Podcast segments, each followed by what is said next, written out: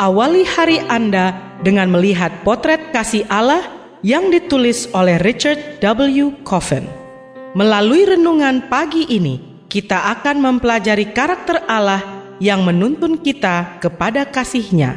Bersama Pendeta Andre Daimbani, selamat mendengarkan.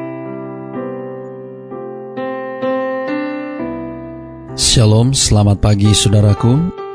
Renungan pagi kita hari ini 15 Juni berjudul Makanan Jiwa. Ayat intinya diambil dari Yehezkiel 3 ayat 3. Demikian firman Tuhan. Lalu firmannya kepadaku, Hai anak manusia, makanlah gulungan kitab yang kuberikan ini kepadamu, dan isilah perutmu dengan itu. Lalu aku memakannya, dan rasanya manis seperti madu dalam mulutku. Mari kita dengarkan penjelasannya. Yehezkiel adalah seorang imam, tetapi sekarang ia menjadi satu dari sepuluh ribu tawanan perang yang dibawa oleh Nebukadnezar ke Babel setelah penyerangannya ke Yerusalem pada tahun 597 sebelum Masehi. Yehezkiel tidak lama lagi dapat mewakili rakyatnya untuk mendekati Tuhan. Jadi selama bulan Juli tahun 593 sebelum Masehi, Allah mengganti tugas Yehezkiel dari imam menjadi nabi. Sekarang, ia akan berbicara kepada rakyatnya untuk Allah. Setelah menerima penglihatan yang mencengangkan tentang makhluk aneh berkepala empat dengan empat sayap dan memiliki roda yang di tengah-tengahnya terdapat roda lagi, Yeskiel mendengar Allah berfirman, Ngangakanlah mulutmu dan makanlah apa yang kuberikan kepadamu.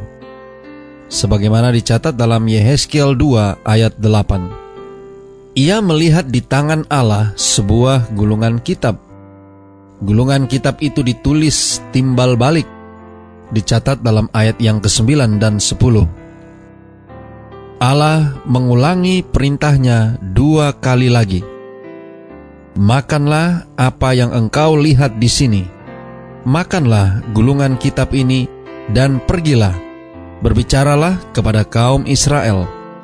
Dicatat dalam Yehezkiel 3 ayat 1. Makanan yang unik, sebuah gulungan kitab Lembaran kitab-kitab itu terbuat dari bilah-bilah yang diambil dari batang alang-alang papirus. Bilah-bilah ini disusun anyam, lalu dibalur dengan air dan atau lem, ditumbuk, lalu dikeringkan sambil dihimpit hingga berupa lembaran tipis dan kemudian digosok hingga halus menggunakan batu. Begitu kuatnya lembaran kertas itu hingga bisa bertahan ribuan tahun. Bahkan sepatu pun dibuat dari bahan yang sama. Dan Yehezkiel harus mengunyah gulungan panjang kitab itu lalu menelannya. Dan itu dilakukannya. Dan rasanya seperti panganan pencuci mulut, manis seperti madu. Allah lalu menyuruh Yehezkiel menyampaikan firman-Nya kepada bangsa itu. Kita dapat mengartikan gambaran penyataan dan inspirasi ini dengan beberapa cara. Salah satunya adalah dengan menyimpulkannya sebagai inspirasi verbal. Allah menyediakan kata-kata yang tepat. Kemudian para nabi menelan kata-kata itu hanya untuk memuntahkannya kembali kepada umat. Kata-kata yang masuk sama dengan kata-kata yang keluar.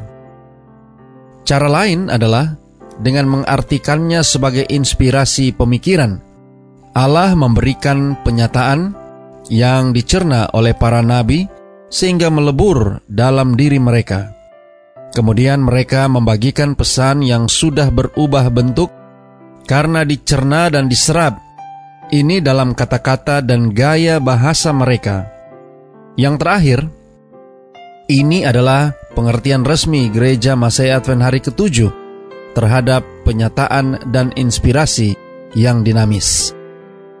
Saudara-saudara yang kekasih di dalam Tuhan, Alkitab ditulis oleh para penulis yang terinspirasi, tetapi tulisan tersebut bukanlah cara berpikir dan ungkapan langsung dari Allah. Itu adalah tulisan manusiawi. Allah sebagai pengarang tidak mewakili. Allah tidak menaruh dirinya dalam kata-kata, logika, retorika yang tertuang di dalam Alkitab Bukan kata-kata Alkitab itu yang terinspirasi, tetapi para penulisnya itulah yang terinspirasi. Dikutip dari Selected Messages, jilid 1, halaman 21. Doa kita hari ini. Bapa terima kasih. Melalui renungan pagi ini, kami boleh belajar bagaimana Engkau menyampaikan firman kepada manusia melalui para nabi. Terima kasih melalui renungan pagi ini. Kami diingatkan bagaimana caranya Tuhan meneruskan firman-Nya melalui para nabi kepada umatnya. Tolong kami hari ini Bapa, biarlah kami boleh betul-betul dapat memaknai akan firman-Mu, membacanya setiap hari, dan mengambil bagian daripada firman yang adalah makanan bagi jiwa kami. Terima kasih Bapak. Inilah doa dan permohonan kami kepadamu. Semoga Tuhan senantiasa memberkati kita sekalian sepanjang hari ini saat kita melakukan aktivitas kita masing-masing.